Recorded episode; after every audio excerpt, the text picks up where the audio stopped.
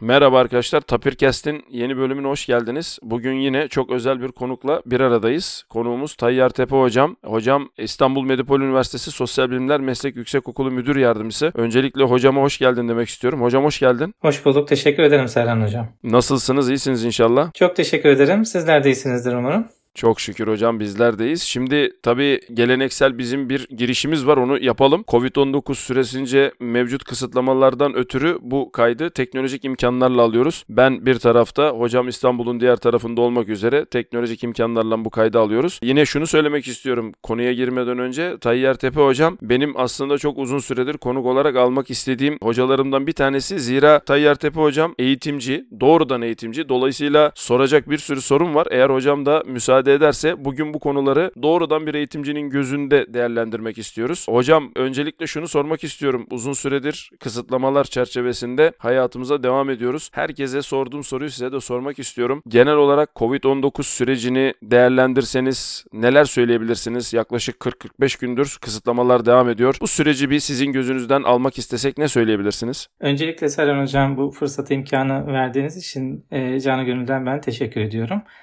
Ee, zor günlerden geçiyoruz. Ee, ülkemiz de zor günlerden geçiyor. Ama inşallah el birliğiyle hep beraber gerekli tedbiri, önlemleri alarak e, bu problemlerin de üstesinden geleceğiz inşallah.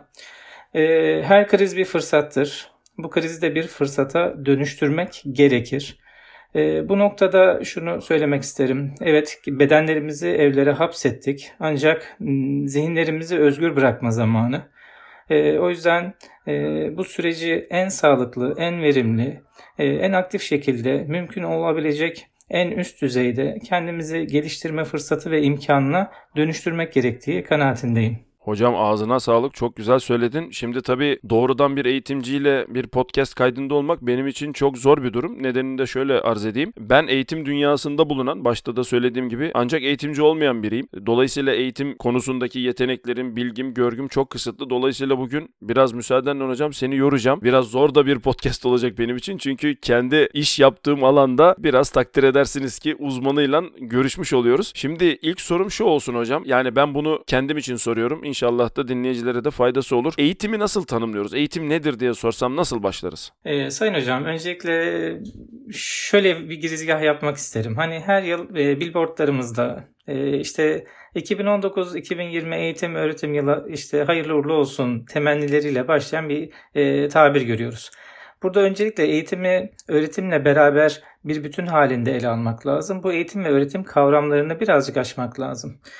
Ee, biz okullarımızda kimleri yetiştiriyoruz? Bu yetiştirdiğimiz insanları nihayetinde hayatın içerisinde bir meslek sahibi olabilecek. Bunun yanında e, bir aile ferdi, bir anne, bir baba, bir ebeveyn, bunun yanında topluma hizmet eden insanlar olarak, e, faydalı insanlar olarak e, yetiştiren bir e, yuva haline getirmeye çalışıyoruz bu eğitim kurumlarımızı. Bir başka bakış açısıyla da e, işletmelerin ihtiyaç duyduğu e, kalifiyeli, nitelikli insan iş gücünü de eğitim kurumlarımız içerisinde e, yetiştirmeye tabiri caizse e, burada e, bu işi de işlevi de görmeyi e, çalışıyoruz.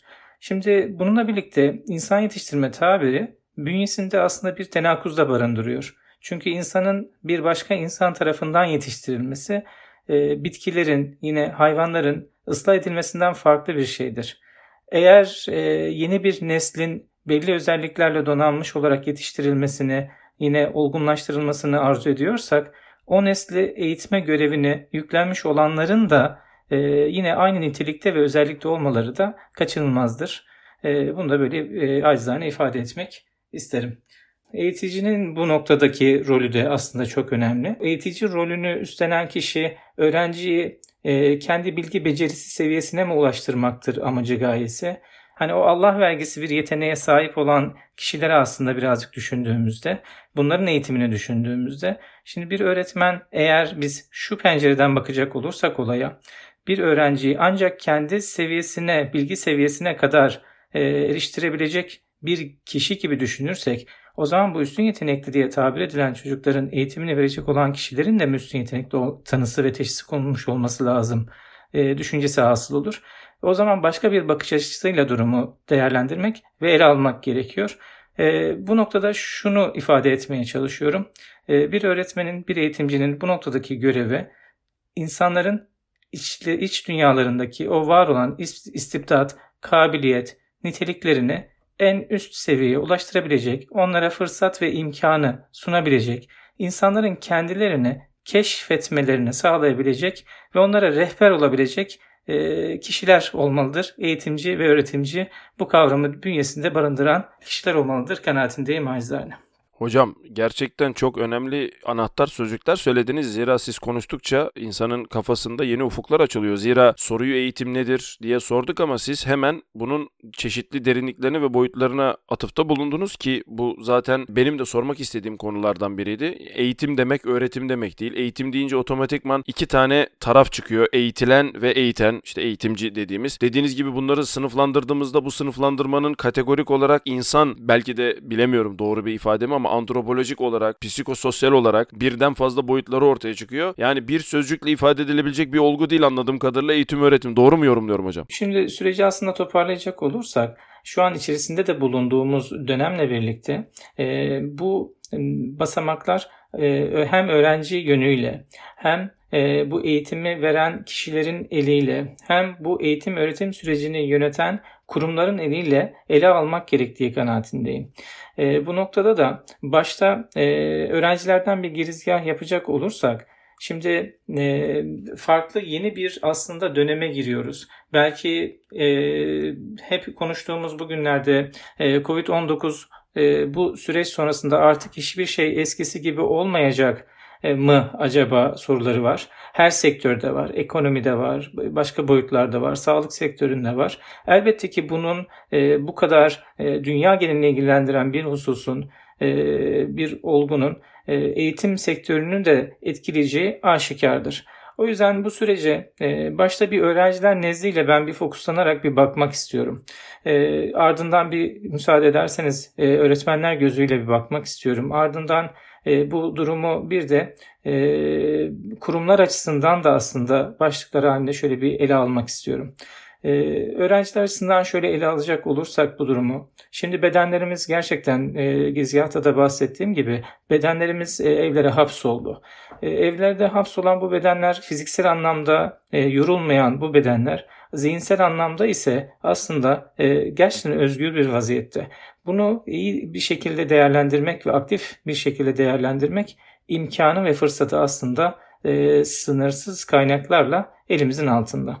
E, bu süreç e, bu uzaktan eğitim sürecine geçiş aslında ben birazcık müsaadenizle yorumlamak istiyorum. Bu uzaktan eğitime geçiş süreci e, birçok öğrencilere bakan yönüyle artılara dönüştü. Yine öğrencilere bakan yönüyle negatif e, bakış açılarını da ortaya çıkarttı. E, biz eğitimin, öğretimin içerisinde hangi eğitim öğretim metodolojisini kullanırsak kullanalım mükemmel bir sistem yoktur. Sistemlerin artıları vardır, sistemlerin eksileri vardır. E, bu uzaktan eğitim platformunun da kendi içerisinde artıları ve eksileri ortaya çıkmakta. Hocam benim merak ettiğim sorulardan bir tanesi şu. Biz olayları değerlendirirken bütüncül bir bakış açısıyla bakmaya çalışıyoruz. Ancak her seferinde ortaya çıkan şöyle bir durum oluyor. Bu benim tabii şahsi gözlemim. Biz öğrencilerin açısından optimal ya da en uygun, en mükemmel sistemi ortaya koymak yerine onlar için en uygun eğitim sistemini tasarlayıp acaba ona mı uydurmalıyız? Yoksa dediğiniz gibi şu anda şartlarımız bunu gerektiriyor. Bu şartlarda yapılabilir yapabileceğin en iyisi ne? O mu? Şimdi bunu da şöyle müsaadenizle biraz daha size topu vermeden öteletmek istiyorum. Soruyu genişletmek istiyorum. Doğrudan siz az önce güzel söylediniz. En iyi eğitim sistemi tek bir eğitim sistemi olsa herkese aynısını uygulasak ne kadar güzel olurdu ama öyle bir şey yok anladığım kadarıyla. E, peki bizim şartlara göre eğitimi bu kadar hızlı adapte etmemiz, uydurabilmemiz olası mı? Eğitim böyle esnek bir şey mi? Yoksa şu an içinde bulunduğumuz sürecin mücbir sebep adı altında gerektirdiklerini yerine getirsek de elimizde en iyiye doğru gidebilecek olan bir şey var ve biz bunu oraya doğru evriltmeli miyiz? Bilemiyorum. Soruyu doğru ifade edebildim mi hocam? Ee, çok kapsamlı tabii ki bir soru sordunuz Serhan hocam. Bu belki üzerine e, bu kısıtlı zaman diliminde mümkün olduğu kadar elimiz dilimiz döndüğünce ifade etmeye çalışalım. E, şimdi her sistemin evet artıları vardır, eksileri vardır. E, aynı zamanda bu sistemlerin e, sadece öğrenciye bakan, eğitim üzerinde konuşacak olursak, e, sadece öğrenciye bakan yönü olma, yoktur. Bunun yanında e, bu eğitim öğretimi yöneten, bu eğitim öğretimi faaliyetlerini düzenleyen kurumların da e, sorunları ve bunu süreç içerisindeki e, aldıkları kararlar, yine aynı zamanda bu işi yapacak olan e, eğitim işini yürütecek, bu faaliyetleri ifade edecek, anlatacak olan e, eğiticilerin de bu süreçte dahil olmaları, onların aktif bir şekilde bu süreç içerisindeki bilgilenme düzeylerinin en üst seviyeye ulaşmaları eğitim öğretim faaliyetlerini iyi bir noktaya doğru taşımanın anahtar başlıklarıdır. O yüzden şimdi bu içerisinde bulunduğumuz bu Covid günlerinde eğitim öğretim dünya genelinde dijitalleşme, online bir platforma mecburiyetten belki daha önce olmadığı kadar e, topyekün bir halde e, bir bu platformu kullanır olduk. Şimdi bu platformun geçmişi var mı? Elbette ki var. Bu platform hani Amerika yeniden keşfetmedik elbette ki. Ancak e, çok bu kadar yoğun bir şekilde talep gören, bu kadar yoğun bir şekilde e, uyguladığımız bir yöntem değildi. Şimdi biz bu yöntemi ben de acizane e, kendi çalıştığım e, akademik camiada bu eğitimleri hem senkron hem asenkron şekilde e, bu eğitimleri veren birisi olarak hem de aynı zamanda örgün olarak bu e, eğitimleri verme imkanı ve fırsatı ol, bulmuş olan birisi olarak e, her üç durumun da kendisine göre artıları ve eksileri üzerine müsaadenizle biraz e, konuşmak isterim. Tabii ki tabii ki hocam buyurun. Dijital ortamdaki materyallere ulaşmak, e, işte bir e, hocasından gelecek olan materyallerin, dokümanların daha sistematik bir şekilde kendisine ulaşabiliyor olması onun için bir artı değere dönüşebiliyor. Ama e, günümüz dünyasında bir başka kavramdan da bahsetmek lazım. E, şimdi bazı öğrenci profilleri var ki onu biraz belki sonda toparlarken söylemek isterim. E, öğrenci özelliklerinin farklılığı üzerine birazcık konuşmak isterim. E, şimdi not almadan e, o eğitim öğretimin içerisinde hani hoca bir taraftan anlatırken e, kağıt kalem elinde bu düzen ve alışkanlıklar uzaktan eğitim e, platformlarında biraz ortadan kalkabiliyor. Bu da e, sürekli hocalarından gelen, e, eğiticilerden gelen notlarla bir bilgi çöplüğüne de e, neden olabiliyor. Yine bir başka bakış açısıyla şimdi öğrencilerin bu noktadaki iş yükleri acaba artıyor mu? Acaba azalıyor mu? Daha fazla mı? Ee, şimdi biz AKTS diye ifade ettiğimiz Avrupa Kredi Transfer Sistemi içerisinde yani bir öğrencinin bir dersi başarılı bir şekilde geçebilmesi için topyekün harcaması gereken enerjiyi ifade eder.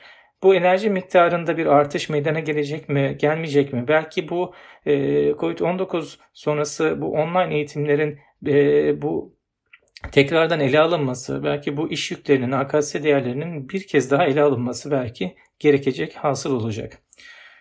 Yine e, bir başka açıdan öğrencilerin ekran başında olması, e, şimdi bazı öğrenci özellikleri açısından ele aldığımızda e, mesela öğrenci birebir örgün bir eğitim esnasında e, hocasına rahatlık bir şekilde e, o sınıf ortamında sorularını ifade edebilirken e, belki bu dijital bir ortamda e, öğrenciyi strese sokan bir unsura dönüşebiliyor veya tersten tersten e, daha asosyal bir öğrenci e, buradaki dijital ortamdan sorularını daha rahat sorabiliyor e, insanlarla bir arada yüzde olduğu ortamdaki stresi belki daha fazla olabiliyor. Bazıları için artıya bazıları için yine bu noktada eksiye dönüşebiliyor. Hocam müsaadenizle şöyle araya girmek istiyorum. Şimdi bu Covid-19 özeliyle benim de naçiz kendi gözlemim şu. Sizden önce de konuk aldığımız hocalarımla da konuştuğumuz önemli bir konuydu bu. Covid-19 mücbir sebebi yüzünden uzaktan eğitime olabildiğince hızlı bir şekilde hem lisans seviyesinde hem ortaokul lise seviyesinde oldukça hızlı bir geçiş yapıldı. Bunu ayrıca zaten sizden bir ıstirham edeceğim. Yani bu bu sürat mücbir sebepler üzerinden oldu ama bunu ayrıca değerlendirmenizi isteyeceğim. Ama benim asıl sormak istediğim konu şu. Bir eğitimci gözüyle Covid-19 19'da bu hızlıca geçilen, mücbir sebepler yüzünden geçilen uzaktan eğitim sürecini öğrenciler gözünden artılarıyla eksileriyle benim için değerlendirseniz neler söyleyebilirsiniz? Ee, şimdi COVID-19 sürecine geçişimizle beraber eğitimlerimizi uzaktan eğitim şeklinde e, gerek senkron gerek asenkron olacak şekilde e, hızlı bir şekilde dizayn ettik ve bu noktada e, bir aksiyon aldık. Şimdi e, hızlı bir şekilde adapte olmak her zaman mümkün ve kolay olamayabiliyor. E, yalnız benim gördüğüm ve gözlemlediğim özellikle e, genç neslimizin e, teknolojik donanımlarla, teknolojik imkanlarla olan haşir neşir olmalarının verdiği artının e, bu sürece adapte olma hızımızı muazzam bir şekilde e, kısalttığı kanaatindeyim. E, bununla birlikte e, yine uzaktan eğitime geçiş esnasında ilk haftayı değerlendirecek olursam e, evet elbette ki sorunlar belli başlı problemler e, yaşadık. Ancak çok kısa bir sürede hem e, eğitmenlerimiz yönüyle hem öğrencilerimiz yönüyle buna şu an adapte olduğumuzu açıkçası görmekteyim. Tabii ki eğitim öğretimde bir kural vardır. Hangi eğitim öğretim metodolojisini tercih ederseniz edin bunun artıları vardır, eksileri vardır. Uzaktan eğitimin de kendi içerisinde doğurduğu büyük artı değerler ve yine kendi içerisinde doğurduğu sorunlar mevcuttur.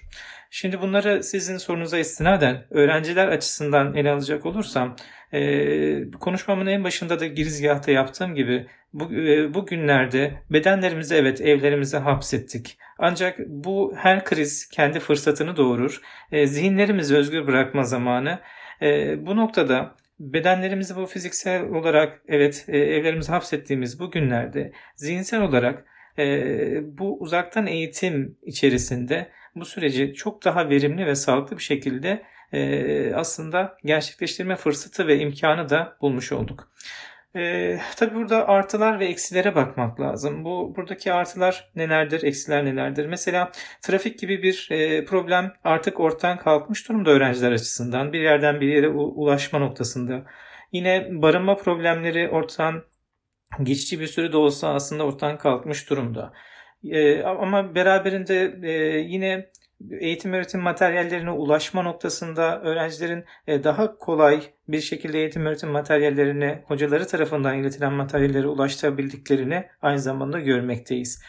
Ee, yine ekran başında olmak, evinin rahatlığı, konforu içerisinde olmak öğrenciye bakan yönüyle bir artı değere e, bakıldığında dönüşebiliyor ve daha stressiz, daha e, rahat bir şekilde ev ortamında e, dersleri takip edebildiğini öğrencilerimizden duyuyor ve gözlemliyoruz. Ama bu aynı zamanda e, bir taraftan da dezavantaja da dönüşebilmekte. E, nasıl bir dezavantaja dönüşebilmekte? Onu da topar şöyle ifade edecek olursam e, bu e, imkanları almak, bu e, eğitime ulaşabilmek elbette ki bir donanım, bir altyapı e, gerektiriyor. Gerek internet altyapısı, gerek e, fiziki işte bilgisayardır, tablettir ya da bir telefondur bunun üzerinden almaktır. Bunların doğurduğu sonuçlar olabiliyor. Ve bunun yanında işte aynı evde eğitim alan birden fazla kardeşin bulunması ve hepsinin aynı anda eğitimi alıyor olması kendi bazı problemleri doğurabiliyor. Bir de şunu da ifade etmek isterim. Yine evlerde e, insanların kalabalık ailelerde şahsına özel bir çalışma alanının olup olmaması onlar için bir yine dezavantaja dönüşebiliyor. Hocam şimdi çok güzel bir konuya değindiniz yine. İnsanların özellikle ben İstanbul için konuşuyorum. Zira Türkiye nüfusunun çok önemli bir kısmı İstanbul'da. E, barınma ve trafik önemli iki sorundu. Bu tahmin ediyorum öğrencilere baktığı kadar eğitimcilere de bakan bir kısım. Yani biz de trafikte zamanımızı değil mi hocam? Siz de önemli bir zamanımızı trafikte geçiriyorduk. Artık geçirmiyoruz. Müsaadenizle araya bir e, anekdot vermek isterim. Rektör hocamın e, güzel bir bir toplantıda söylediği bir söz vardı. İstanbul'da hayat derdi 7'de başlar, 7'den sonra durur. Güzel. Güzel. Doğru, doğru. Şimdi ben bir de tabii olaya şöyle bakmak istiyorum. Ben e, bu konuda birkaç sefer acı çekmiş bir insan olarak benim lisans eğitimim ben Anadolu yakasında oturuyorum. Ben lisans eğitimimi Avrupa yakasının en ucunda Avcılar'da yaptım ve benim zamanımda ne metrobüs vardı ne metro vardı hiçbir şey yoktu. Şimdi her ne kadar bu son dönemde toplu taşıma anlamında da önemli atılımlar yapılmış olsa da yine de çok önemli bir miktar zaman trafikte geçiyordu. Bu artık yok. Ancak yine dediğiniz gibi insanlar bu sefer evlerinde e, yine ben kendi bölümümden örnek vereceğim. Elektrik, elektronik ya da bilgisayar olmak üzere emek yoğun bir çalışma gerektiren konular var. Bunları oturup tek başınıza kavramanız gerekiyor. Üzerinden tekrar tekrar geçmeniz gerekiyor ama bu sefer dediğiniz gibi evlere kapandığınızda evlerdeki fiziksel ortam acaba buna müsait oluyor mu? Bu bir. Bunu zaten siz söylediniz. Benim asıl burada sormak istediğim konu şu. Bu süreç insanlar üzerinde mücbir sebep olması hasebiyle yani tamam bu böyle bir durum mecburiyetti ve şu an bunu yaşıyoruz ama mecbur olmasaydı tercih edilmeli miydi? Tercih edilirken nelere dikkat edilmeliydi? Yani Covid-19 olmasaydı hocam ve elimizde böyle bir teknoloji artık var bunu kullanıyoruz, bunu görüyoruz, bunu yapabiliyoruz. Optimize etmek isteseydik bu teknoloji ve bu sistemi İstanbul ya da Türkiye genelinde belki dünya genelinde de düşüncelerinizi alabilirim. Nasıl en uygunlaştırılabilir? Yine bu soruyu öğrenci açısından ve eğitimci açısından e, ayrı ayrı sorduğumu varsayalım. Şimdi e, öncelikle Sayın Hocam Şimdi şunu ifade etmek isterim. E, topyekün ben acizane e, yakın gelecekte ya da ona yeni diyelim e, yeni durumda. Yeni normal. Yeni normal çok güzel tabir ettiniz. E, yeni normale geçildiği durumda Covid-19 sonrasında acaba bu şu an elde ettiğimiz bu kazanımlar, bu konforu, ee, bizler devam ettirmek isteyecek miyiz, istemeyecek miyiz? Burada artılar eksilere gerçekten iyi bakmak lazım. Ee, mesela e, burada bir başka avantaj, dezavantaj noktasını iyi değerlendirmek lazım. Mesela engelli öğrencilerimiz var. Engelli öğrencilerimiz için ulaşım mesela çok ciddi anlamda sıkıntı olabiliyor ve bu bir avantaja dönüşebiliyor. Ama sosyal açıdan e, yine bu engelleri aşarak öğrencinin e, okula ulaşması onun için bir artı keyfe de dönüşebiliyor. Yine e, ulaşım sorunlarını bir kenara koyacak olursak mesela farklı engel gruplarında olan öğrencilerimiz var. E, bu farklı engel gruplarındaki öğrencilere online dersler bir çözüm olabilecek mi veya bunu entegre etmenin zorluğu ve güçlüğü başka bir problemi de beraberinde doğuruyor. Yani hangi e, sistemi seçerseniz seçin tüm öğrencileri kucaklayacak ve hepsine çözüm üretecek bir asgari bir e, çalışma muhakkak yürütüyor olmak gerekiyor. Yine ben olayı başka bir açıdan müsaadenizle ele almak istiyorum.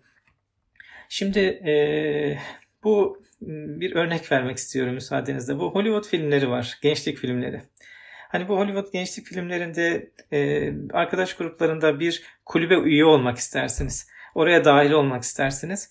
Şimdi o e, kulüp üyelerinin e, tabiri mazur görün saçma sapan yapılan ritüelleri vardır. Ve o ritüelleri yapmadan sizi aralarına dahil etmezler öyle zor işler sizden isterler ki eğer onları yaparsanız e, o kademe kademe yaptığınız işler sonucunda neticesinde de kulübe hoş geldin derler. Sizi aralarına alırlar. Şimdi orada enteresan bir başlığa değinmek istiyorum. Buradaki e, o kulübe dahil olabilmek için yaptığınız işlerin güçlüğü aslında sizin o kulübe olan aidiyetinizi de arttıran bir unsura dönüşüyor. Bunu nereye bağlayacağım? Bunu şuna bağlayacağım. Zahmet olmadan rahmet olmaz. Öğrenci erken kalkacak. Ee, üzerine güneşin batmadığı 500 T'ye binecek. Trafiği çekecek. O trafiği çekecek ki derse e, geldiğinde değer kıymet vermesinin aslında zemin oluşacak. Yani e, uzanarak tabirin mazur görün. Bir yatakta, dizinin üzerindeki ya da bir tablette bilgisayar e, işte derse olan saygıyı, emeği hafifleten bir unsura dönüşmektedir acizane kanaatindeyim. E, peki biz bunu artı bir değere nasıl dönüştüreceğiz? E, artı değere nasıl dönüştürebiliriz? Örneğin akademik camiada e, sizler de e, bu e, yıl içerisinde, akademik yıl içerisinde çok fazla konferans, seminer e, gibi etkinliklere katıldığınızı ben biliyorum hocam. Şimdi bu derslerinize denk gelen dönemlerde ki daha sonrasında bunların telafilerinin güçlüğünü de biliyorum. Çünkü derslerimizi malumunuz birden fazla e, bölümden öğrenci dersimize dahil olmuş ve seçmiş olabiliyor. E şimdi bu noktada öğrencileri telafi dersi yapmayı planlamak istediğinizde e, mesela bunun hakikaten çok büyük güçlükleri oluyor.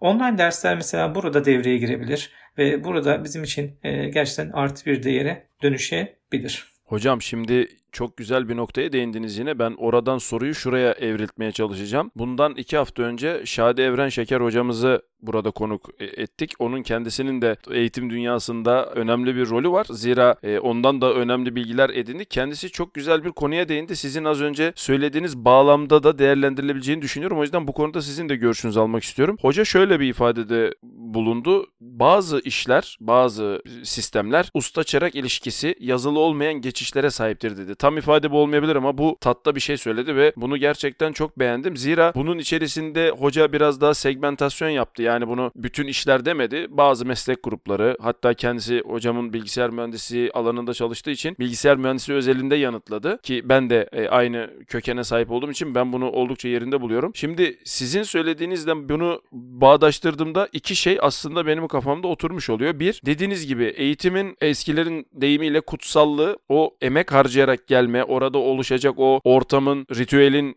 diyelim ağırlığıyla insanın zihnine başka bir şekilde kazınıyor olması tahmin ediyorum vurgunuz. İkincisi de hocamın Şadi Evren Şeker hocamın ifade ettiği bu geçişin biraz fiziksel olarak yan yana durma, yüz yüze olma, şimdiki modern tabirle sosyal mesafeye dikkat etmek dahilinde de olsa bir arada değil mi aynı fiziksel ortamda olması sanki bir bütünlük arz ediyor. Siz bu konuda ne düşünüyorsunuz? Şadi hocanın söylediği şey tahmin ediyorum sizin söylediğinize de paralellik arz ediyor. Hocama da selamlar buradan. Ee, hocam şimdi e, açıkçası hani insan her zaman söylediğimiz genel bir başlık vardır. İnsan sosyal bir varlık. Sosyal bir varlık olan insan bu sosyal olma olgusundan uzaklaştığında zaten rahatsız oluyor.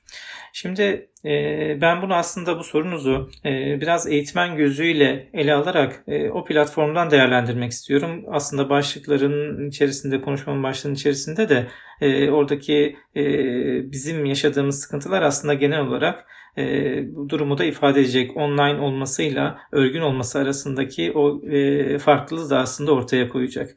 Şimdi bizim e, özellikle eğitim fakültesi öğrencilerimize, e, öğretmen adayı öğrencilerimize e, yapmış olduğumuz derslerimizde e, çok önemli bir kavramımız var, sınıf yönetimi kavramı. Şimdi bu sınıf yönetiminin içerisinde öğrencinin o e, acaba şu an sıkıldı mı, jest, mimik hareketlerinden tutun veya e, sizin o anki haleti ruhiyeniz, e, oradaki enerjiniz, bunu yönetme biçiminiz, zamanı yönetme biçiminiz. Örneğin e, bir eğitmen e, ekran karşısındayken maalesef yapay tepkiler veren birine dönüşebiliyor. Yani espri yapmaktan çekiniyoruz e, maalesef online bir ortamda. E, çünkü ee, özellikle hele hele ben şimdi kendim acizane asenkron yapmış olduğum derslerde bu ikileme çok düşerdim. Ee, espri yaptığımızda hani karşısında evrene espriyi yolluyorsunuz gönderiyorsunuz hocam. Hani orada birisi güldü mü? Ne oldu? E, karşılık buldu mu? E, vesaire. Çünkü yapmış olduğunuz işin hemen karşılığını görmek istiyorsunuz sosyal bir durumda. E, online platform bu noktada buradaki yapaylık e, acizane o eğitim öğretim sürecinin içerisinde evet öğretim bundan çok etkilenmeyebilir.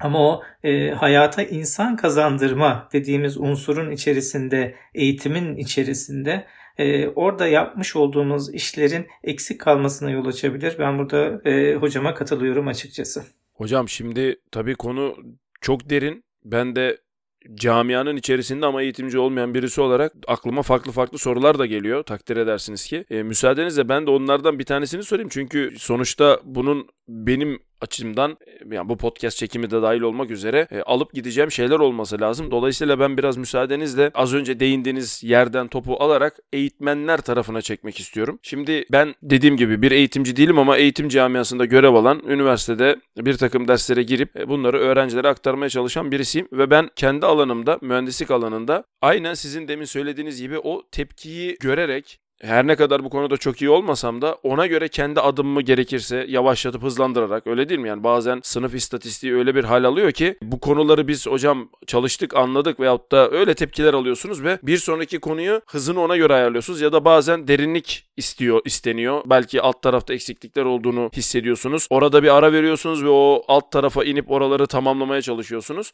Şu an çalıştığım kurumda e, senkron eğitim söz konusu. E, ancak o demin dediğiniz öğrenci tarafındaki o sosyal aradaki bariyer, ekran yüzünden oluşan bariyer belki de ve benim tarafımda oluşan bu gözlemleyememe durumu karşımıza şu sorunu çıkartıyor. Sana verilmiş bir zaman aralığı var. Sen bu zaman aralığında elinde kalan materyali karşı tarafa aktarmaya çalışıyorsun. Biz Şadi Hoca'yla da konuşmuştuk bunu. Muhammed Hocam'la da konuştuk. Ali Boyacı Hocam'la da konuştuk. O zaman şöyle yapalıma geliyor iş. Ya bu konuyu, bu materyali öyle değil mi? En iyi verecek 10 tane adamı bulalım dünyada. Bunlara kayıtlarını yaptıralım, verelim. Biz de oturalım yerimizde herkes rahat etsin. Tahmin ediyorum bu da aslında öğretimin içerisine içine girdiği ama eğitimin olmadığı bir yere geliyor. Yani siz demin zaman yönetiminde telafi derslerinin bu şekilde yapılması gerektiğini söylediniz ki ben de katılıyorum buna. Ancak bir taraftan da şöyle bir durum var. Mühendislik özelinde konuşuyorum. Bu materyalin verilmesi gerekiyor ve bu materyalin belki de birkaç farklı alt senaryosu olabilir ama bu şekilde verilmesi gerekiyor. Ya peki bu noktada nasıl bir çözüm üretebiliriz? Yani elimizde somut olarak yalnızca öğretimin olduğu, eğitimin biraz daha az ağırlıklı olduğu bir kısmı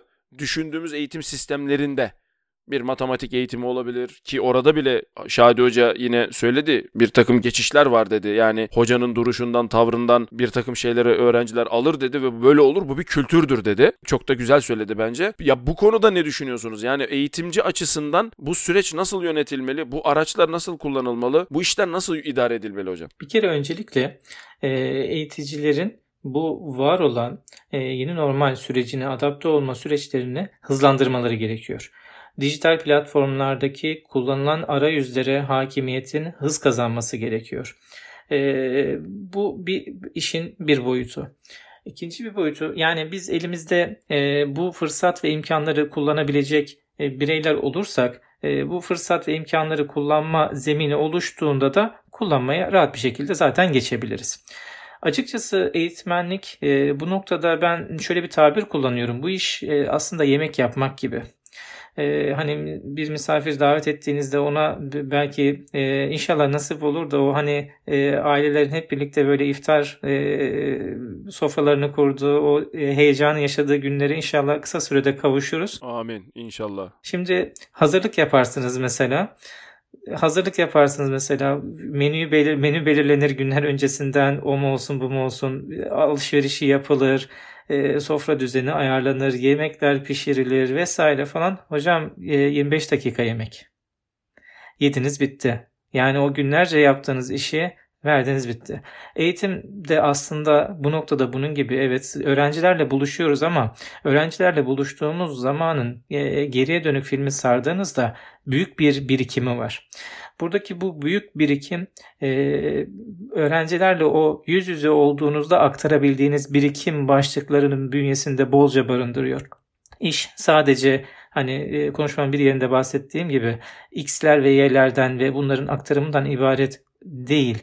E, hayata insan kazandırma noktası bünyesinde birçok başlığı barındırıyor. Adab muaşerette bunun içerisine dahil e, oturmasından kalkmasından, e, o hitabetinden, e, karşılıklı o diyalog kültüründen veya bir başka açıdan ele alalım. E, mesela siz öğrencilerinizde bir sosyal sorumluluk projesi yürütüyorsunuz. Bu sosyal sorumluluk projesinden aldığınız hazzı öğrencilerle beraber yaşamak istiyorsunuz. Şimdi bu sürece öğrencileri dahil edemediğiniz veya e, sanal ortamlarda dahil ettiğinizde o hazzı ve lezzeti yaşamanızın e, azaldığı kanaatindeyim. E, tüm bunlar bu olumsuzluklar neticesinde evet bu e, online eğitim e, artı bir değerdir. Doğru kullanıldığında doğru işler yapılabilir ama topyekün tamamen eğitimin teslim edilebileceği bir platform olabileceği kanaatinde acizane değilim Sayın Hocam. O zaman hocam zaten siz benim bir sonraki sorumu yanıtlamış oldunuz. Zira ben de şunu soruyordum. Acaba uzaktan eğitimin tamamen hayata geçirilebileceği eğitim, öğretim faaliyetleri var mıdır sorusunun yanıtını siz vermiş oldunuz. Hayır, hibrit olmak zorunda gibi çıkarsama yapıyorum. Doğru mu hocam? E, hibrit olmasının daha verimli, e, tamamlayıcı, bütünleştirici bir unsur olarak kullanılması gerektiği kanaatindeyim. Peki hocam ben yine şeyi sormak istiyorum. Aklıma hep takılmıştır. Bir eğitimciden bunun açıkçası yanıtını almak isterim. Bu bu konuda da size danışacağım. Bizim öğrenme insanoğlunun yani genel olarak öyle söyleyelim. İnsanoğlunun öğrenme süreci, öğrenme sistemi diyelim ona. Teknolojinin hızına yetişemediği için bu oluyor olabilir mi? Yani biz mesela demin güzel bir örnek verdiniz. İşte kağıdı kalemi eline alıp o sırada hocanın jestine, mimiğine bakıp bir şekilde bir taraftan da dinleyip yazmaya çalışıp not almaya çalışıp kendince önemli gördüğü yerleri kayda geçirmeye çalışan bir neslin yerine şimdi her şeyi tek tıkla bulan hatta tıklamasına bile gerek yok. Ses tanıma özellikli teknolojiler vasıtasıyla öyle değil mi? Her şeyi bir anda gözler önüne seren altyapıda bir nesil aynı anda şu an bulunuyor. Acaba bu yaşanılan hani hibrit çözümü ben de öyle düşünenlerdenim bu arada. Hibrit çözümün çözüm olmasının nedeni Acaba bu olabilir mi? Ya bunu bir eğitimci gözüyle ben çok merak ederim. Yani insan oğlunun zihinsel devinimi düşünüldüğünde öğrenme süreci hiç hiç ilerlemedi mi? O yüzden mi bu sorunu yaşıyoruz hocam? O yüzden mi hibrit olmak zorunda? Şimdi ben o zaman e, soruyu e, yeni normali bir kez daha şöyle genel kapsamlı müsaadenizle değerlendirmek isterim. E, şimdi dünya eğitiminde bundan sonra tamamen işte online sürece geçecek miyiz? Hibrit bir sistem mi olmalı? Ya da işte gözünü seveyim klasik eğitimin mi diyeceğiz? Şimdi nihayetinde iş hayatına bireyler yetiştiren eğitim camialarının bu konuda alacağı karar da en önemli etkenlerden birisi e, de e, iş hayatının yeni normali nasıl kurgulayacağı gerçeği yatmakta. Şimdi eğitimin dijitalleşmeye başlamasında son dönemde yükselen bir akım zaten vardı. Ancak bir o kadar da dijitalleşmeye direnen eğitimcilerin olduğu da bir gerçek. Bu süreç ben de bu direnci yüksek eğitimcilerin fikirlerinde köklü değişikliklere yol açmıştır. İnsan çünkü e, bilmediğinden korkar ve bilmediğinden çekinir. Mecburiyetten de olsa bu dijitalleşme sürecine dahil olan eğitimciler bu işin aslında hiç de fena olmadığını aslında görmeye başladılar. Bu iş mekanik özellikleri hani şöyle bir örnek vermek istiyorum. Mekanik özellikleri önde olan bir araba kullanmak ile dijital yardımcıları fazla olan bir araba kullanmaya benzer. Ee, işte sürü, sürüş hissiyatında mekanik araçlar e, çok keyiflidir. Ama yüksek hızlarda araçla baş etmek ve limitleri zorlamak için iyi bir pilotajlık gerektirir. Ama oysa işte dijital yardımcıları bol olan araçlarda bu daha kolaydır ama keyif ise azalır. Şimdi öğretmenin yaptığı işten zevk alabilmesi ve tüm verimini e, aktarabilmesi ise ancak yüz yüze eğitimle şarttır. Yine bu durum online eğitim ya da dijitalliğe karşı olduğum anlamına gelmesin lütfen. E, hibrit bir modeli bence e, açıkçası hibrit bir modeli desteklediğimi ifade ediyorum. E, bunu da işte yine akademik camia içerisinde vermiş olduğum o e, telafi dersleriyle e, süslemiş veya oradan örnek vermiş tekrardan olayım. Hocam şöyle bir konuya değinmek istiyorum. Yine aklıma geldi siz bundan bahsederken. Bunu da yine bir eğitimciye sormak isterdim. Ee, konu tam oraya geldiği için aslında akışın normalde planladığım sorusu bu değil ama aklıma geldiği için bu soruyu sormak istiyorum. Özellikle uzaktan eğitim süreçlerinde belli platformlar kullanılarak derslerin kayıt altında olması, demin sözünü ettiğiniz o bir şekilde bu dijitalleşmeye çok kabaca kullanıyorum lütfen mazur görün. Dijitalleşmeye direnen hocalarımızın nispeten istatistiksel olarak yaşça büyük olması hasebiyle de bir takım tepkilerine yol açıyor diye düşünüyorum. Peki bu konuda uzaktan eğitim sürecini birden özellikle bir denetim mekanizması olarak kullanmak yani doğrudan dediğiniz gibi telafi derslerin ve işte hibrit bir mekanizmanın ben de tarafıyım ancak bir taraftan da siz az önce dediğiniz kurumlar açısından da değerlendirilmesi gereken bir mevzu bu. Kurumlar açısından da takip edilebilirliğin, izlenebilirliğin, ölçülebilirliğin biraz daha somut anlama getirilmesi açısından değerlendirirsek çok da istenen bir şey değil midir?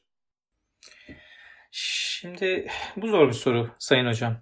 Çünkü bir öğretmenin e, siz vermiş olduğu eğitimin oradaki performans ölçümünü e, bir kontrol kalemi ölçüsü e, derse anlatım süresiyle ifade etmek doğru bir tabir olarak bana gelmiyor açıkçası. E, çünkü online derslerde siz e, şunu kontrol edebilirsiniz. Öğretmenin kaç dakikalık bir kayıt yaptığını ve bu kaydı paylaştığını kontrol edebilirsiniz. Önemli olan buradaki o içeriktir, içeriğin doluluğudur. Ee, bazen öyle bir an olur ki siz günlerce ders anlatsanız veremeyeceğiniz bir e, kazanımı öğrencilerle yaşamış olduğunuz o yakalamış olduğunuz o e, senkronun içerisinde yüz yüze eğitimin içerisinde anlattığınız bir menkıbeyle bir hadiseyle bir olayla veya bir öğrencinin paylaşımıyla e, çok geniş kapsamlı bir e, artı değere dönüştürebilirsiniz. Şimdi bunu değerlendirme ölçütü dediğim gibi sadece süreler olmamalıdır. Ama e, şimdi kurumlara bu noktada e, kurumlar açısından madem süreci ele alacaksak kurumlara düşen burada e, görevler de var. E, bazı kurumlar buna maalesef hazırlıksız yakalandı. Gerekli online altyapının kurulumundan tutun hangi sistemi tercih edecek işte piyasada neler var bunları öğrenmek hemen hızlı bir şekilde ondan sonra bunu öğrencilerine duyurabilmek, aktarabilmek personeline hızlı bir şekilde bunun eğitimini verebilmek, bu sistemleri kullanabilmenin eğitimini verebilmek bunların hepsi e, büyük bir organizasyon gerektiren işler. Hele hele öğrenci sayıları e, fazla olan kurumlarda ki e, tüm bu katılımcıların da tüm bu paydaşların da aynı anda iş hayatından bir anda evlerinde olduğunu düşünürseniz organizenin güçlüğünün daha da arttığını görüyoruz. Ama buna rağmen buna rağmen e, genel anlamda buna hızlı bir şekilde adapte olabildiğimiz kanaatindeyim. E, yine başka bir yönden ele alacak olursak tabii ki e, kurumların açısından da artı değere dönüştüğü noktalar da var açıkçası. Yani e, baktığınız zaman işte maddi açıdan işte iklimlendirme masrafları yok. Temizlik hizmetleri vermek zorunda yani eskisi kadar yoğun bir şekilde vermek zorunda değil şu dönemde. E, güvenlik için personel ayırmak zorunda değil. Daha az sayıda iş görebiliyor. Yemekhaneler kapalı, servis hizmetleri e, durmuş vaziyette vesaire. E, bu noktada bir aslında tasarruf ettiği bir döneme de giriyor eğitim öğretim kurumları. E, başka bir açıdan. Ee, yine bu bir şey paylaşmak istiyorum müsaadenizle. Ee, doçent doktor Rana Atabay Kuşçu hocamla, e, müdürüm sayın hocamla buradan da selamlar olsun kendisine. Bu e, pandemi döneminin ilk başladığı ve öğrencilerin artık e, evlerinde olduğu ama bizim o duyuru yapmamız gereken, hocalarımıza da e, işte gerekli açıklamaları yapmamız gereken o hafta, o en kritik ve en yoğun haftada e, hocamla bir toplantı gerçekleştiriyoruz. Artık böyle e, bunalmış vaziyetteydik. Çünkü öğrenciler akın akın soru soruyor. E, 1300'e yakın öğrencimiz var. E, öğrenci temsilcilerine gerekli sağlıklı bilgileri vermeye çalışıyoruz. Hocalarımızın soruları var. E, kendimizin soruları var. Kafasında sorular var falan.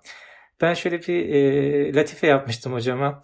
Hani dönemin Milli Eğitim Bakanı tarafından e, söylendiği iddia edilen ironi olarak söylendiğini tahmin ettiğimi düşündüğüm hani e, işte marif ne güzel olurdu şu okullar olmasaydı sözü vardır. Ben de ona atıf yaparak dedim ki şu öğrenciler olmayınca üniversite ne güzel yönetiliyormuş değil mi sayın hocam dedim. E, güldük bayağı tebessüm ettik falan. E, iş öyle değil tabii ki. Ee, şimdi biz online derslerimizde ben her dersimde e, şöyle başlarım söze. Sizler bizim derin varlık sebebimizsiniz. Öğrenciler bizim varlık sebebimiz e, elbette orada. Şimdi şu sözü söylemek e, alışkanlığını bile değiştirmek istemiyoruz. Ayaklarınıza sağlık demeyi değiştirmek istemiyoruz. Şimdi ben kapatırken konuşmalarımı, ders videolarımı işte klavyenize sağlık, sesinize sağlık e, bu yer etmemeli. E, bu bir an önce ayaklarınıza sağlık geri gelmeli kanaatindeyim acizane. Hocam yine çok güzel söylediniz. Benim demin araya girdiğim yerde aslında güzel de bir tevafuk oldu. Tam akışa denk geldi diye düşünüyorum. Şunu da size sormak istiyorum. Zira tam konu orada çünkü bulunuyor. Olaya yine eğitimci gözüne geri sararak bakıyorum. Hani kurumlar açısından da baktığımızda. Şimdi daha bütüncül bir soru sormak istiyorum. Ama yine kendi oturduğum koltuktan bakarak soracağım bunu müsaadenizle. Bir eğitimci olarak biz çevrim içi dersi hazırlarken, buna tasarlarken bir takım ön şartları olması gerektiğini düşünüyorum. Bunun da birinci koşulu sizin hitap edeceğiniz kesim, öğrenci arkadaşlarımız. Şimdi ben şunu merak ederim hep.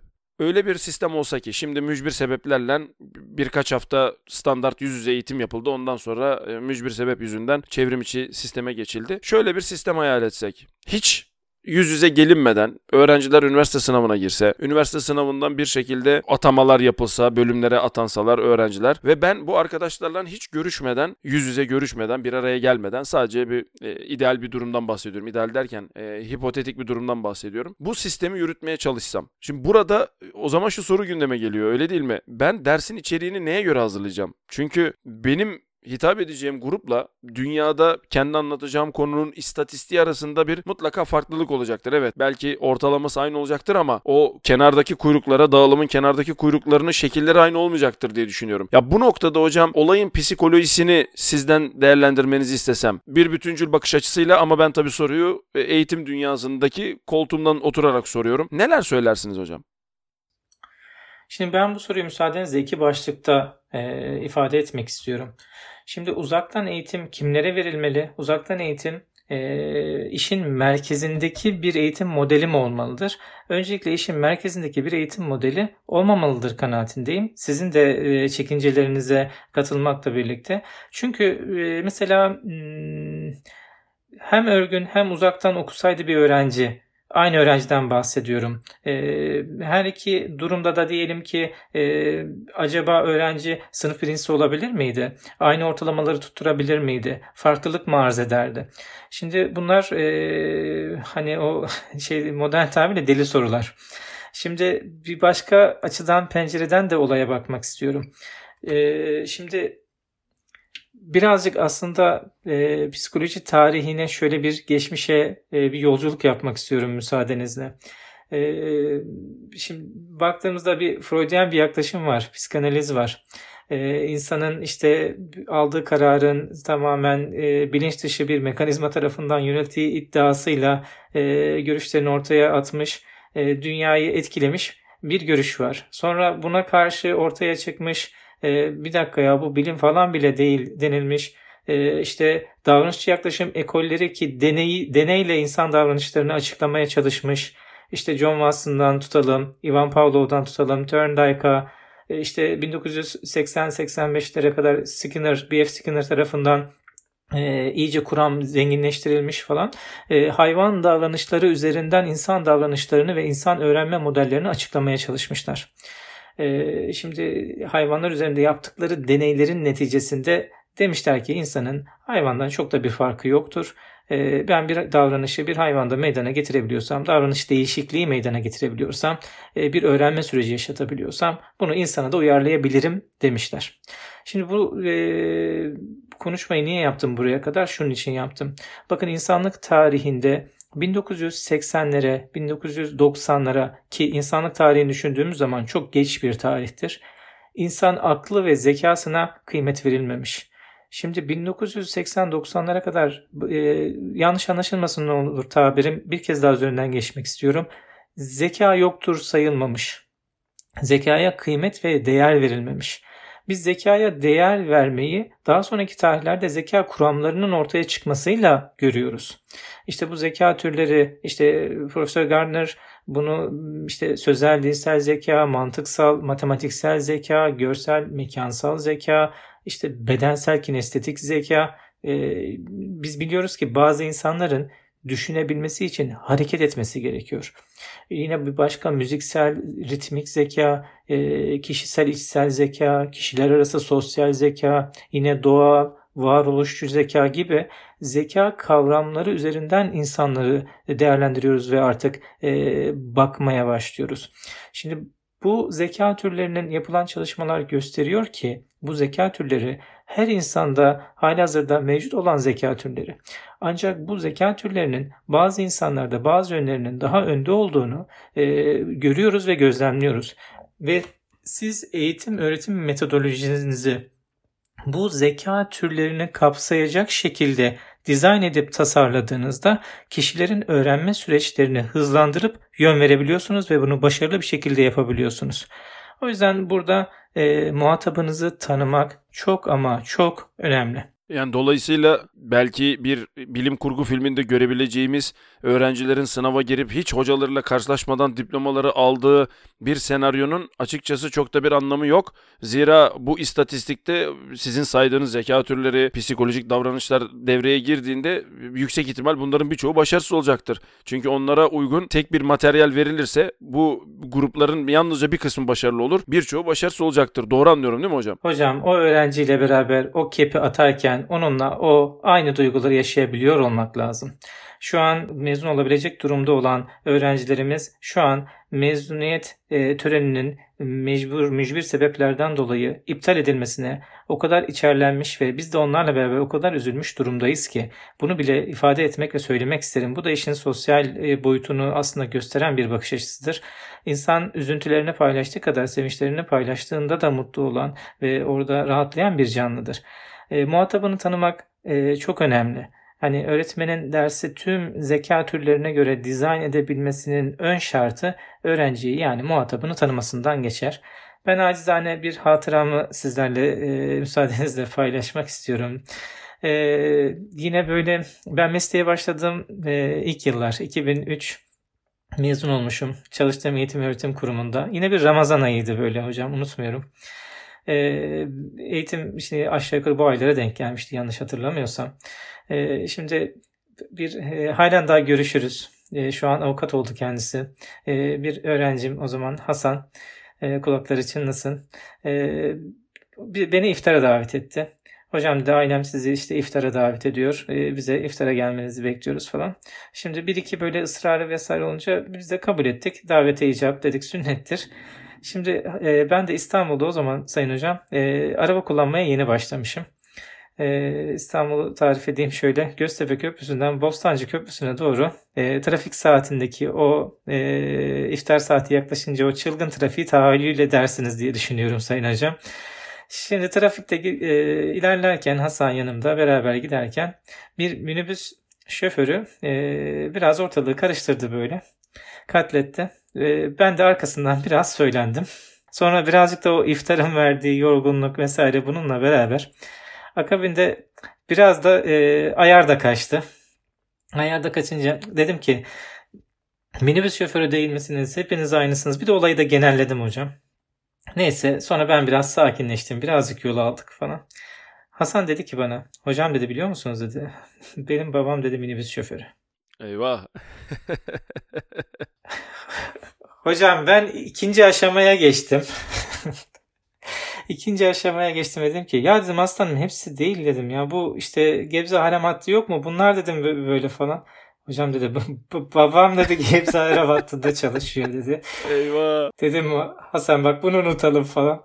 Neyse sonra akşam e, bizim işte Hüseyin abiyle ev sahibi e, babasıyla böyle oturduk sohbet ettik falan. Olayı anlattım kendisine dedim böyle böyle oldu. Benden duysun ilk elden. Bayağı güldük, hoş sohbet falan. Hocam dedi her meslek grubunda dedi kötü insanlar vardır dedi ama bizimkinde de birazcık fazladır falan dedi. Böyle o da tatlıya bağladı işi. E, toparlayacak olursam muhatabını bilmeden yola çıkınca e, işler sarpa sarabiliyor Sayın Hocam. O yüzden bu muhatabını tanıma online ortamlarda e, istenilen seviyede ve e, olması hakikaten zor ve güç.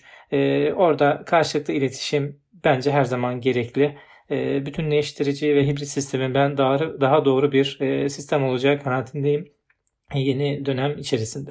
Hocam uzunca bir süredir kayıttayız. Dolayısıyla müsaadeniz olursa toparlamadan önce son söylediğiniz konuda bir şey daha sormak istiyorum. O konudaki görüşlerinizi de merak ediyorum çünkü. E, affınıza sığınarak dediğim gibi yani uzunca bir kayıt oldu. Çok keyifli oldu ama ya bunu sormadan edemeyeceğim. Bizim yürüttüğümüz işler arasında dediğiniz gibi eğitim öğretim faaliyetlerinin eğitimi altında galiba sınıflandırdığımız bir de bir danışmanlık görevi var. Ben kendi adıma bir takım şeyleri tabii ders seçimi olarak arkadaşlarımız, öğrenci arkadaşlarımız düşünse de bunun başka açıkçası alt kırılımları da olduğunu düşünüyorum. Şimdi uzaktan eğitim sürecinde yine demin söylediğim o bilim kurgu filmlerinde belki olabilecek senaryoda danışmanlık müessesesinin öyle diyesek daha doğru herhalde hiçbir önemi kalmıyor öyle değil mi? Yani çünkü danışman dediğiniz nedir? Adam size gelir, öğrenci gelir size danışır. Siz o sırada demin yaptığınız gibi bir e, anınızdan bahsedersiniz. O o sırada o ortamdaki elektrik yüzünden karşı tarafın daha iyi anlamasını belki sağlar. E, daha iyi olaylara bakmasını sağlar. Ancak uzaktan eğitim platformlarında tabii gelişen teknolojiyle belki bu da aşılabilir ama yani en azından şu anki durum için konuşuyorum. Bu danışmanlık müessesesi de biraz açıkçası şekil değiştirmek zorunda kalacak öyle değil mi? Aksi takdirde e, onun adı danışmanlık olmuyor. Onun adı çevrim içi platformlar üzerinden soru yanıt alma oluyor. Bilemiyorum. Bunu nasıl değerlendirirsiniz hocam son olarak? E, hocam teşekkür ediyorum tekrardan. Şimdi danışmanlık müessesesi e, şöyle gerçekten algılanmamalı. Ders seçimini onaylayan e, bir e, öğretim üyesi şeklinde algılanmamalı. E, çünkü siz öğrenciye yeri geliyor e, mesela yatay geçişe yönlendiriyorsunuz. E, oradaki mutsuzluğunu, keyif, keyifsizliğini görüyorsunuz, gözlemliyorsunuz ve onun için e, başka alternatiflerin neler olduğu noktasında. Yeri geliyor öğrenciyi e, yan dal yapma noktasında cesaretlendiriyorsunuz, yüreklendiriyorsunuz. Bir başka öğrenciyi çift ana dal yapma noktasında yüreklendirip cesaretlendiriyorsunuz. Sonra onun o süreçlerini siz görürken, gözlemlerken e, düştüğü noktalarda ona destek oluyorsunuz, moral oluyorsunuz, ses oluyorsunuz, nefes oluyorsunuz. Nihayetinde o başardığında siz de mutlu oluyorsunuz. Veya bir başka öğrenciye bakıyorsunuz işte staj şimdi hocam ben e, rahat bir yerde şurada burada şöyle bir stajımı yapsam dediği noktada siz diretiyorsunuz. Çünkü onun için doğru olanın kurumsal bir firma, güçlü bir firma, iyi bir noktada iyi bir e, staj yapması olması gerektiğini ifade ediyorsunuz, anlatıyorsunuz ve bu, Bunun neticesinde belki kendi elinizle bildiğiniz, e, kendi referans olduğunuz, kendi network ağınızın içerisindeki güzel kurumlara öğrencileri yerleştiriyorsunuz. Sonrasında onların e, bu kurumlarda istihdam edildiğini görüyorsunuz vesaire. Bu da sizi mutlu ediyor. Şimdi tüm bu süreçleri aslında beraber değerlendirdiğinizde bakıldığınızda işin iki boyutu var. E, bu işi hakkıyla layıkıyla yapmanın da güçlüğü ve zorluğu var. Eğitimci açısından söylüyorum. Diğer taraftan ise e, bu noktada öğrenciye o muhatabını tanıma hakikaten o yüzden bir kez daha vurgu yapmak istiyorum. Muhatabınızı tanıdığınızda sorunlarını, çözüm önerilerini sergileme noktasında siz artık kendi bilgi birikiminizle baş başa kalıyorsunuz. Ama siz bu işi online platformda yürüttüğünüzde evet bir soru cevap yani oradaki doğru tabiri e, tam nasıl ifade ederim bilmiyorum ama soğuk bir e, iletişim platformu olduğu kanaatindeyim e, acizane online sürecin.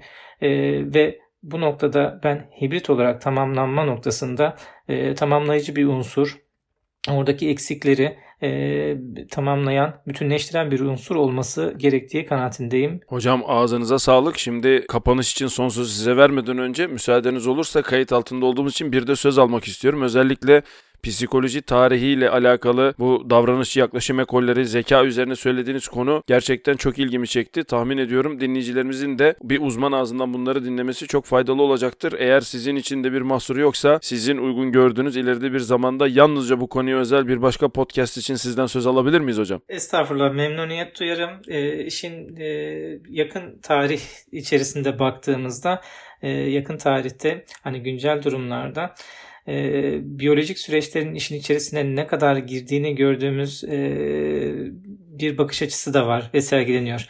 Modern zamanlarda yakın tarihte mesela ilginç bir o zaman ben size bir soruyla baş başa e, bırakayım bir e, şey uyandırsın merak uyandırsın. Mesela Sayın Hocam e, şöyle çok ilginç çalışmalar var ahlaki yargılar acaba doğuştan mı geliyor? Ahlaki yargılarımızda yoksa e, yaşantının içerisinde sonradan çevresel faktörlerin etkisiyle mi elde ediyoruz? Buna dair yapılan çok ilginç e, çalışmalar var. E, çok büyük keyif duyarım şairin ifadesiyle. E, gök kubbede kalan hoş bir sedaymış diyelim. E, sesimizin ulaştığı herkese selamlarımızı iletelim. E, sağ olun, var olun Sayın Hocam emekleriniz için. Çok teşekkür ederim hocam. Bu vesileyle ilerideki bir podcast içinde kayıt sözü almış oluyoruz. Ben hocam kısaca müsaadeniz olursa dilim döndüğünce özetleyeyim ve son sözü size bırakarak kapanışı yapacağım ondan sonra. Bugün yanımızda konumuz olarak Tapirkes'te İstanbul Medipol Üniversitesi Sosyal Bilimler Meslek Yüksekokulu Müdür Yardımcısı Tayyar Tepe hocamız vardı. Uzunca bir süredir dediğim gibi eğitimci kimliği öne çıkmış olan, doğrudan eğitimci olan bir hocamızı konuk almak istiyorduk. Kısmet bugüneymiş. Kendisiyle eğitim, öğretim konularında olayın doğrudan eğitimci gözüyle nasıl algılanması gerektiğine dair bence çok çığır açan, benim şahsım adına ufuk açan bir konuşma yaptık, bir söyleşi yaptık. E, olayın hem öğrenciler tarafından hem de hocamın tabiriyle eğiticiler tarafından nasıl algılanması gerektiği. Ayrıca bu olayın özellikle Covid-19 dahilinde ve daha sonra anahtar ifadeyle yeni normal noktasında kurumlar dahil nasıl algılanması gerektiğini değerlendirdik. Ve son olarak da dediğim gibi kendisinden özellikle bu davranışçı yaklaşım ekolleri herhalde diye özetleyeceğimiz konuda yeni bir podcast içinde söz aldık. Hocam benim kabaca özetim bu şekilde. Atladığım bir şey var mı bilmiyorum ama son sözü size, size bırakmak istiyorum. Bir toparlayacak olursak, süreci özetleyecek olursak, ayrıca söylemek istediğiniz başka şeyler de varsa kapanış için söz sizde buyurun hocam. Çok teşekkür ederim Sayın Hocam. Bu fırsat ve imkanı bizlere sağladığınız ve tanıdığınız için. Ee, genel olarak şöyle derleyip toparlayacak olursak aslında neyi ele aldık? Ee, öğrenciler açısından bu yeni sürecin e, şu an hali hazırdaki durumunun bir resmini, filmini çekmeye çalıştık. E, yine aynı zamanda e, eğitimciler açısından ve aynı zamanda kurumlar açısından dilimiz döndüğünce e, içerisinde bulunduğumuz haleti ruhiyeyi ifade etmeye çalıştık. Elbette ki bunun e, ilerleyen dönemde yansımaları üzerine de e, şu anki aklımız, kıt kanaatimizce e, acizane fikirlerimizi, yorumlarımızı ifade etmeye çalıştık. Ee, insan değişime acizane e, böyle spot cümleler bir iki söyleyecek olursam insan değişime karşı direnmemelidir. Ama bu değişimi de bir anda da yaşamamalıdır. Ee, bir anda yaşamanın verdiği güçlük ve zorluk vardır. e, bir örnek geliyor. Yine bizim e, psikolojiye ben biraz meraklı birisiyimdir. E, psikoloji tarihi ve psikoloji üzerine yapılan çalışmalara da merakım vardır. Çünkü merkezinde öğrenme kavramı vardır. E, kurbağayı hocam, sayın hocam e, suyun içerisine atarlar. Suyun içerisine atılan kurbağanın e, altında tencereyi yakarlar hocam. Su yavaş yavaş ısınınca e, garibim kurbağa orada haşlanır gider. Kaynar bir suyun içerisine direkt attığınızda kurbağa sıçrar dışarıya atlar. Şimdi buradaki o ani değişim ani refleksler vermemizi gerektirir. E, süreç sağlıklı bir şekilde olabilmesi için e, buradaki değişimin hızının da biraz yavaş olması gerekir. E, o yüzden acizane benim e, bu noktadaki öngörüm yeni normal sürecine geçişte bu şu an elde ettiğimiz bu kazanımların aynı şekilde devam edeceği kanaatinde değilim. Ama buradan daha fazla miktarda e, katkı sağlayacak şekilde eğitimlerimizi yeniden dizayn edeceğimiz kanaatindeyim. E, yaşayacağız ve göreceğiz. E, inşallah sıkıntılar, sorunlu e, süreçler bir an önce sona erer. E, tüm insanlık adına bir an önce sıkıntılar, sorunlar e, son bulur. Ve o neşeli günler, güzel günler inşallah geriye gelir. Ben tekrardan bana söz verdiğiniz için hepinize teşekkür ediyorum Sayın Hocam. Herkese selamlarımı iletiyorum. Sevgiler, saygılar. Çok teşekkür ediyoruz hocam. Bugün tekrar ediyorum konuğumuz İstanbul Medipol Üniversitesi Sosyal Bilimler Meslek Yüksekokulu Müdür Yardımcısı Tayyar Tepe hocamızdı. Önemli bir kayıt yaptığımızı düşünüyorum. Özellikle eğitim öğretim konusunda ve yeni normal konusunda. Önümüzdeki zamanlarda da kendisinden yine söz almış bulunuyoruz. Tekrar herkese çok teşekkür ediyorum. Herkese iyi haftalar, sağlıkla mutlulukla kalın.